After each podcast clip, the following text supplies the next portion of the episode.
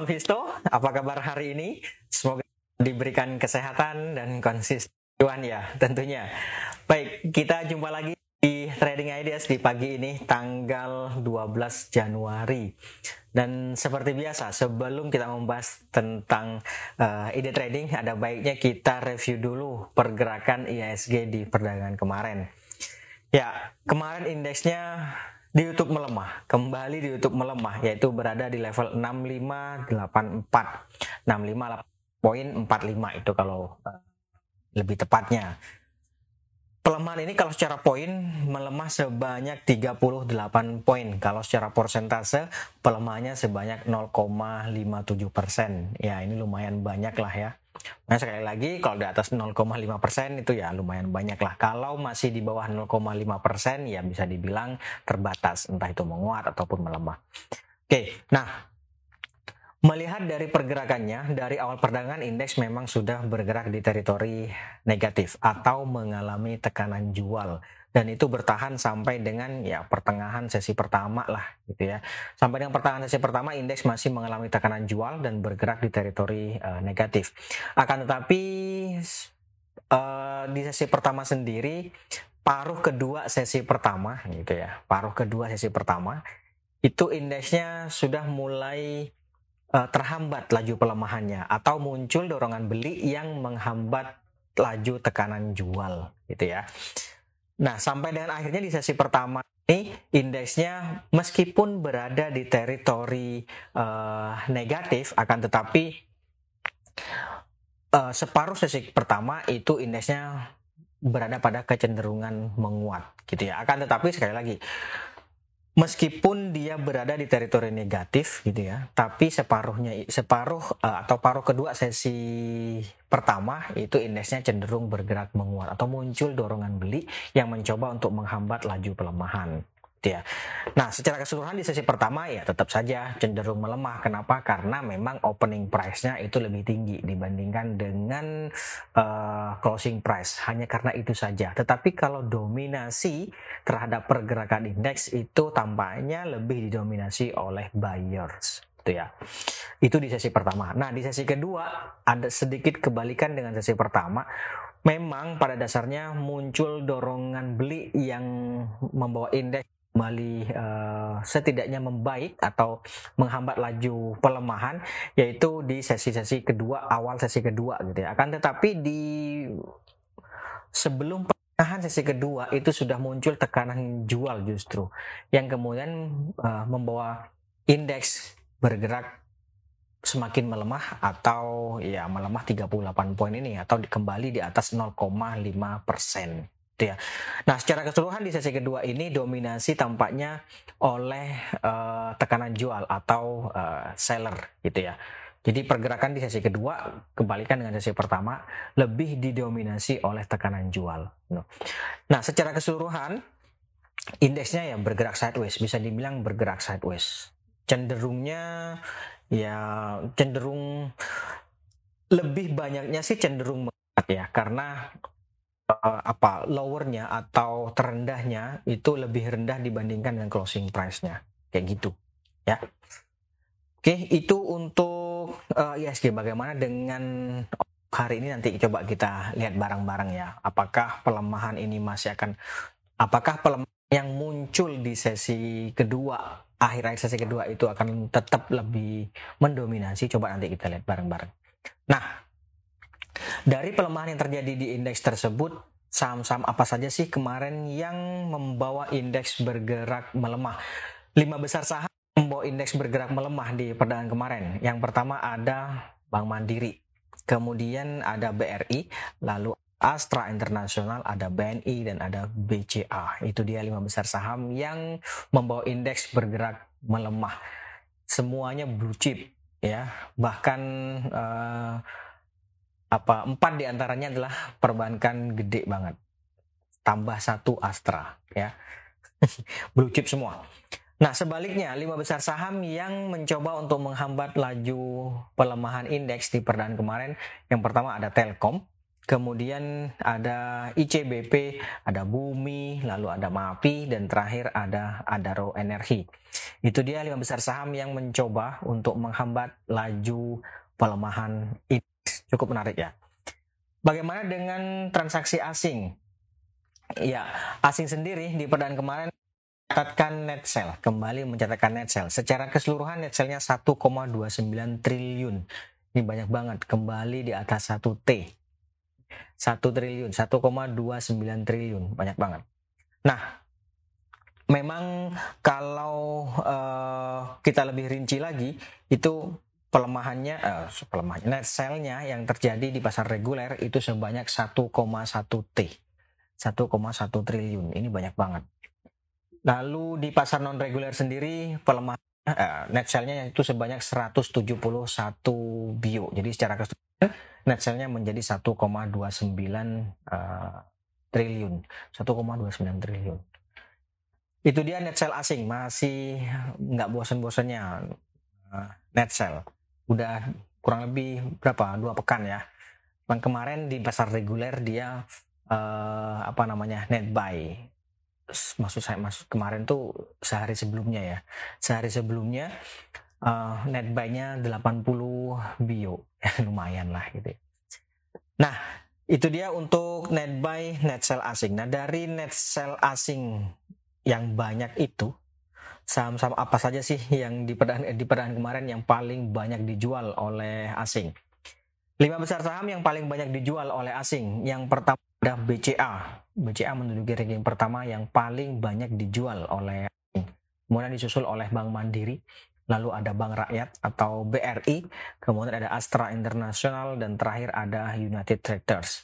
Itu dia lima besar saham yang paling banyak dijual oleh asing.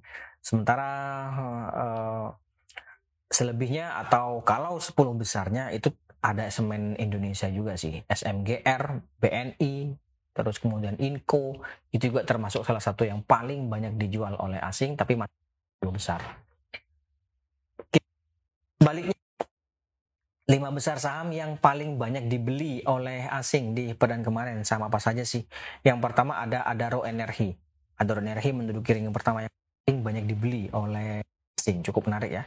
Lalu disusul oleh MDKA, Merdeka Copper Gold dan kemudian ada ICBP, ada Era Jaya atau Era dan terakhir ada Bumi. Bumi juga termasuk salah satu atau ke lima besar yang paling banyak dibeli oleh asing.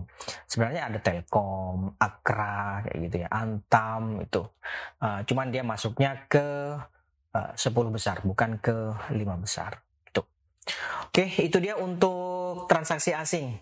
Nah, bagaimana dengan outlook hari ini? Nah, sekarang kita pindah ke sini. Ya, ini dia. Sebentar saya gedein dulu. Nah, kalau melihat tekanan jual yang ada, ya ini kan harga tampaknya atau indeks tampaknya belum mampu untuk bertahan di atas 6.600 dan saya pikir ini akan berpotensi untuk membawa harga kembali melanjutkan uh, pelemahannya. Setidaknya dia mengalami konsolidasi akan tapi kecenderungannya bisa jadi cenderung uh, melemah gitu ya. Jadi satu-satunya yang akan mencoba untuk menghambat laju pelemahan indeks saya pikir adalah stokastiknya yang mengalami oversold. Jadi ini yang akan memberikan peluang untuk menghambat laju uh, pelemahan indeks yang jika berbalik menguat saya pikir akan ada potensi atau ada peluang untuk menuju resistance level yang ada di 6625 itu.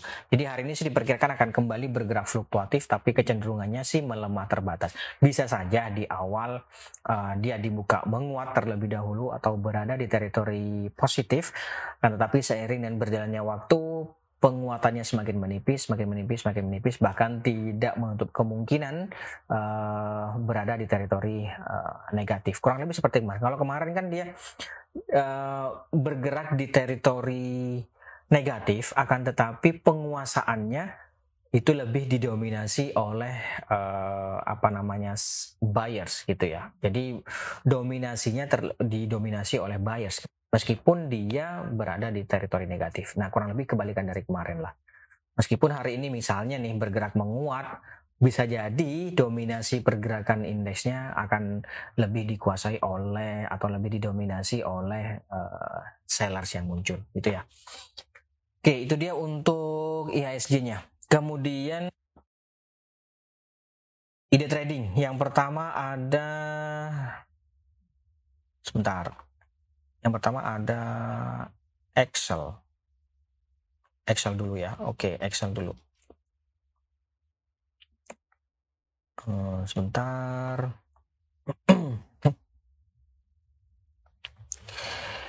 Iya, ini Excel.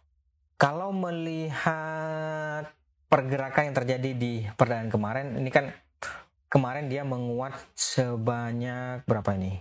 Uh, poin atau 20 rupiah. Jadi dia sebenarnya meskipun dia bergerak menguat, sebenarnya kan melanjutkan konsolidasi, ya nggak sih? selama kurang lebih sepekan terakhir lah dia melanjutkan konsolidasi nih. Nah, ini bisa saja sih spekulatif buy, boleh dipertimbangkan di 2280 sampai 2320 di level-level itu uh, oke, okay, boleh juga gitu ya.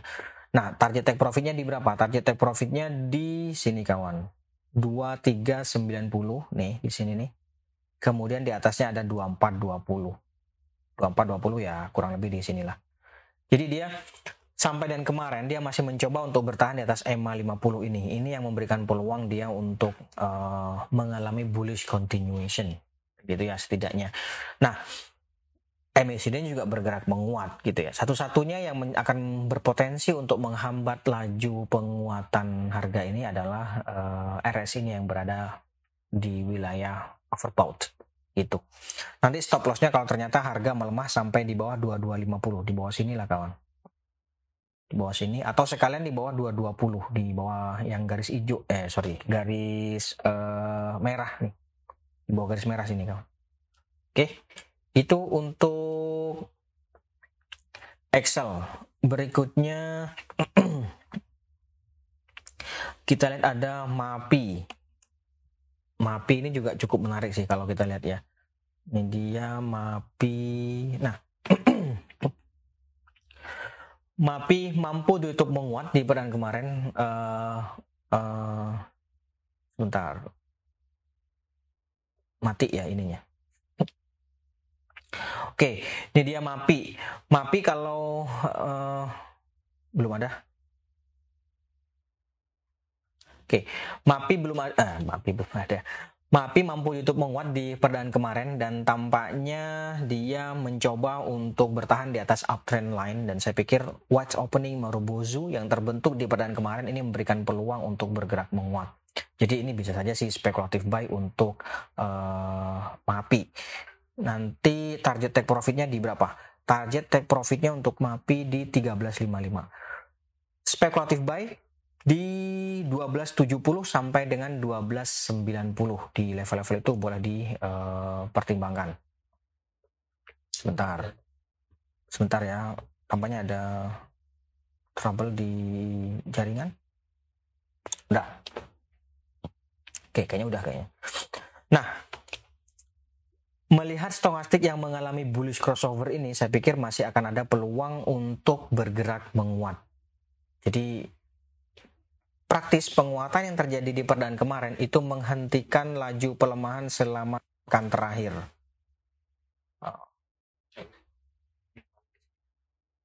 Oh, sebentar. Sebentar ya, ada gangguan teknis. Hmm, masih belum bisa.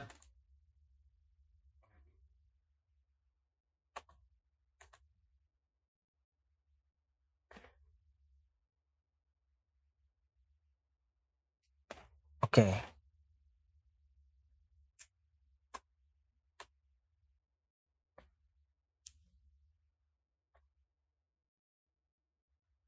Ya, kita lanjut.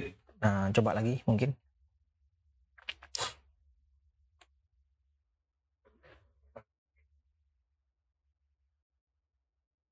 Oke, kita lanjut dulu kawan. Nah, Uh, target resisten, target target penguatan saya pikir akan ada peluang ke 1355 sampai 1370 Nanti stop lossnya kalau ternyata harga berbalik melemah sampai di bawah 12.50 atau sekalian di bawah 12.10. Gitu ya. Itu untuk MAPI. Kemudian berikutnya ada coba kita lihat dulu. Ada ICBP. ICBP atau ICBP. Ya, kemarin cukup menarik sih memang ICBP ini kemarin bergerak menguat dan dia tampaknya uh, Nah, ini ya. Oke, sudah bisa ya. ICBP.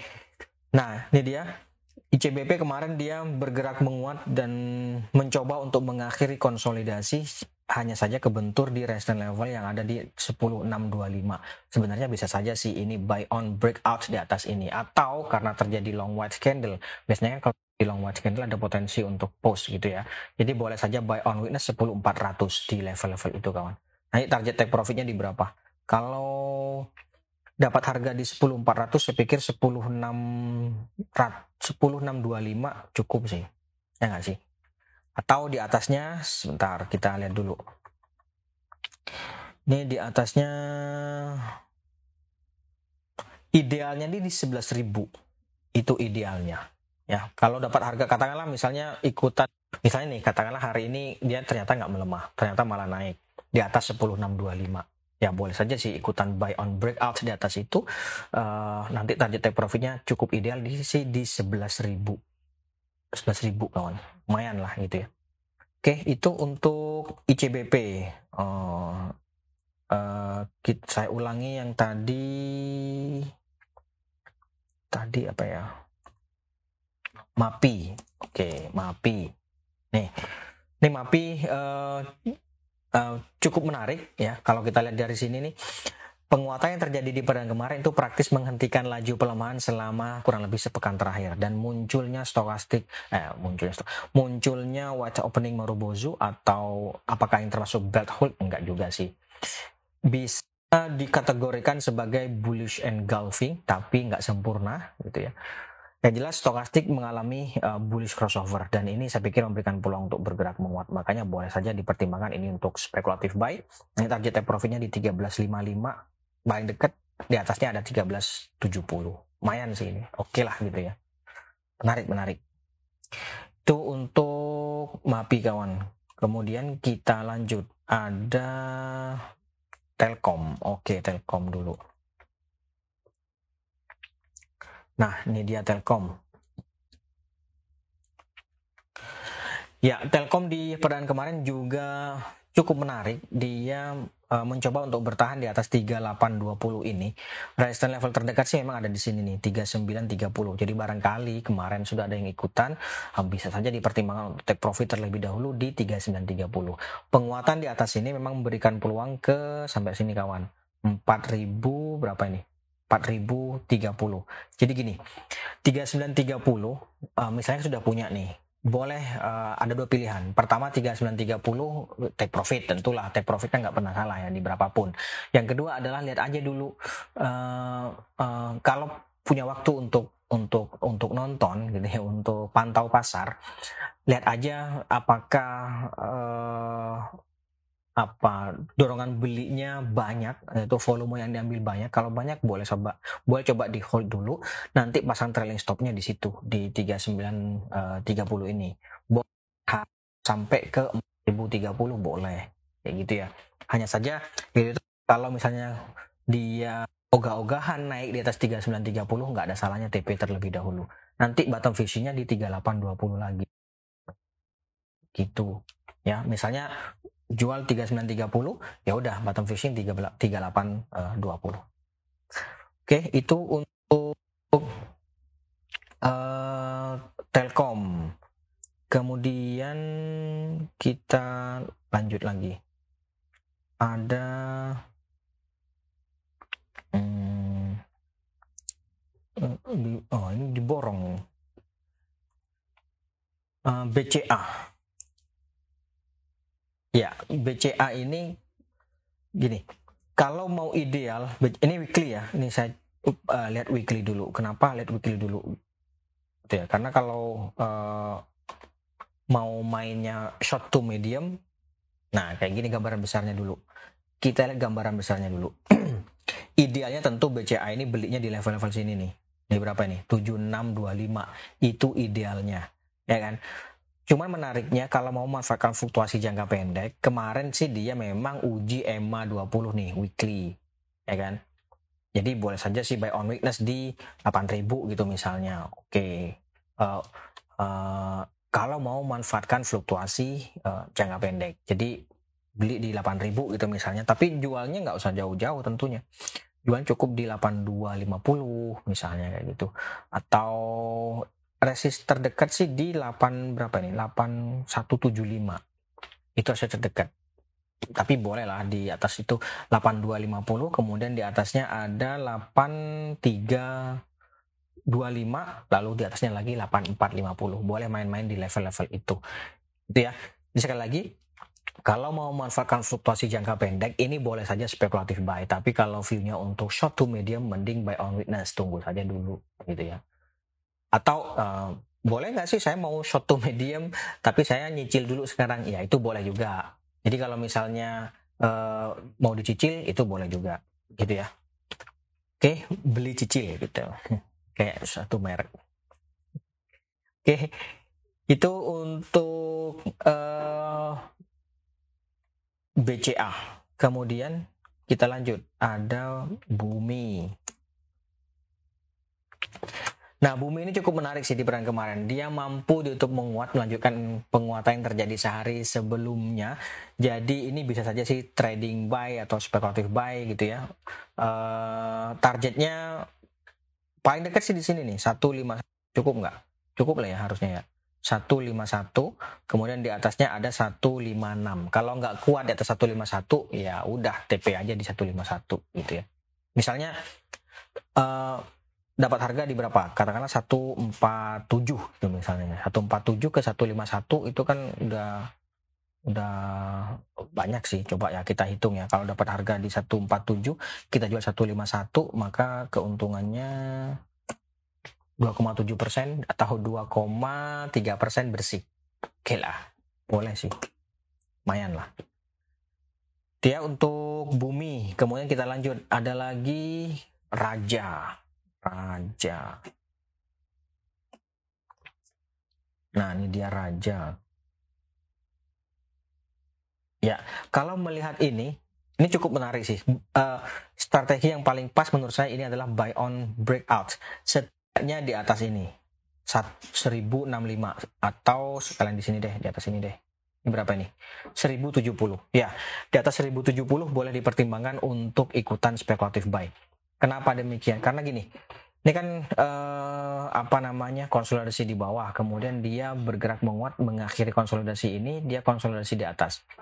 Ya, once nanti dia bergerak ke atas ini nih, 1070, berarti kan ada potensi atau ada peluang untuk mengalami namanya bullish continuation atau bisa kalau secara secara teori ini namanya uh, flag pattern nanti jatuhnya ya targetnya boleh berharap ke 1155 nanti. Di setidaknya di, uh, di sinilah di yang garis hijau nih kawan.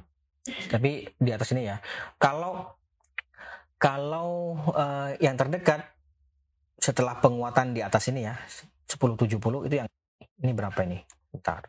Ini 105 1105 kemudian di atasnya ada 1150 atau 1155 di level-level itulah gitu ya buy on breakout. Dengan closing kemarin, maka resistance level terdekatnya ya 1070 tentunya.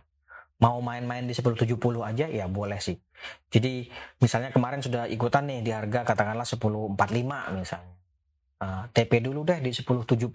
Toh itu resist juga gitu kan. Pokoknya kalau TP nggak dapat nggak pernah salah. Nanti di atas itu kita ikutan lagi. Nah itu boleh itu.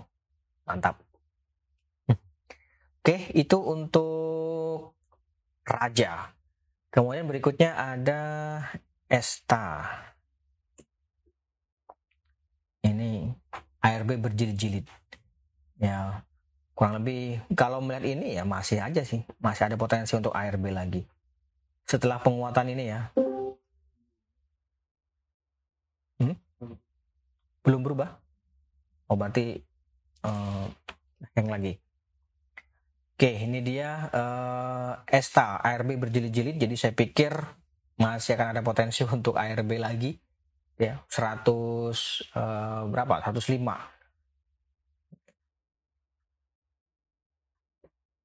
ya. Oke. Menurut saya sih cukup uh, kurang menarik untuk Esta. Jadi mending cari saham yang lain aja deh. Ada masih ada potensi untuk uh, melanjutkan pelemahannya atau ARB oke itu untuk Esta kawan kemudian berikutnya ada lagi Enzia. Boleh. Enzia ya juga kurang lebih sama sih Enzia ini uh, pesta sudah berakhir hampir sama kan dengan yang tadi yang apa namanya uh, Esta tadi ya coba kita balik dulu ke Esta nih dia Esta nih dia Esta Esta bisa uh, kelihatan nggak? Oke, nih uh, pestanya udah bubar ini. Ya, kalau nggak sempat ini ya cuci piring.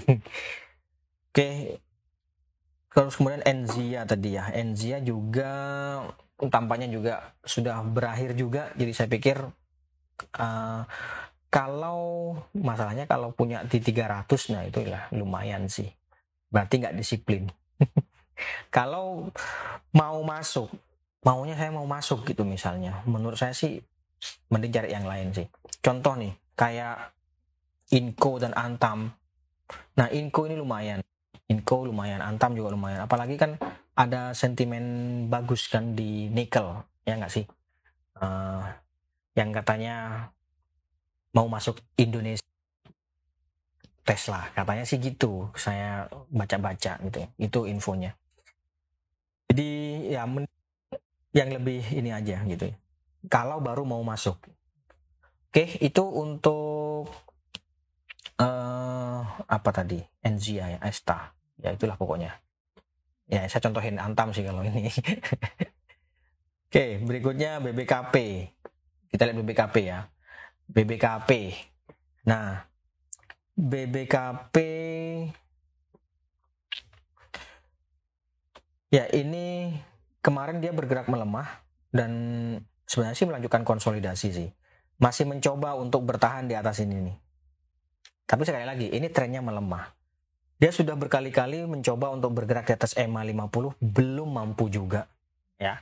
Jadi barangkali mau tertarik dengan BBKP ini ya mending setidaknya beli di atas EMA 50 ini aja. Yaitu di uh, kali ini 120 setidaknya di atas itu. Kalau mau lebih confirm lagi, ya ketika mematahkan tren ini. Tren ini kan ada di 130-an. Gitu kawan. Oke, untuk saat ini bagi yang tertarik, saya mau maafkan fluktuasi jangka pendek saja. Ya, kalau mau fluktuasi fluktuasi jangka pendek saja, buy on weakness di sini nih. Di berapa? 106. 106 nanti 110 TP atau kalau misalnya harga hari ini bergerak menguat di atas 113 boleh sih dipertimbangkan untuk spekulatif buy atau trading buy nanti 118 TP gitu ya nggak usah jauh-jauh Baik, saya pikir itu dulu kawan Visto untuk hari ini. Terima kasih atas kehadiran dan partisipasinya. Kita jumpa lagi besok. Tetap jaga kesehatan. Mohon maaf jika ada salah kata. Sekali lagi terima kasih. Selamat pagi. Salam investasiku for better tomorrow. nothing went wrong.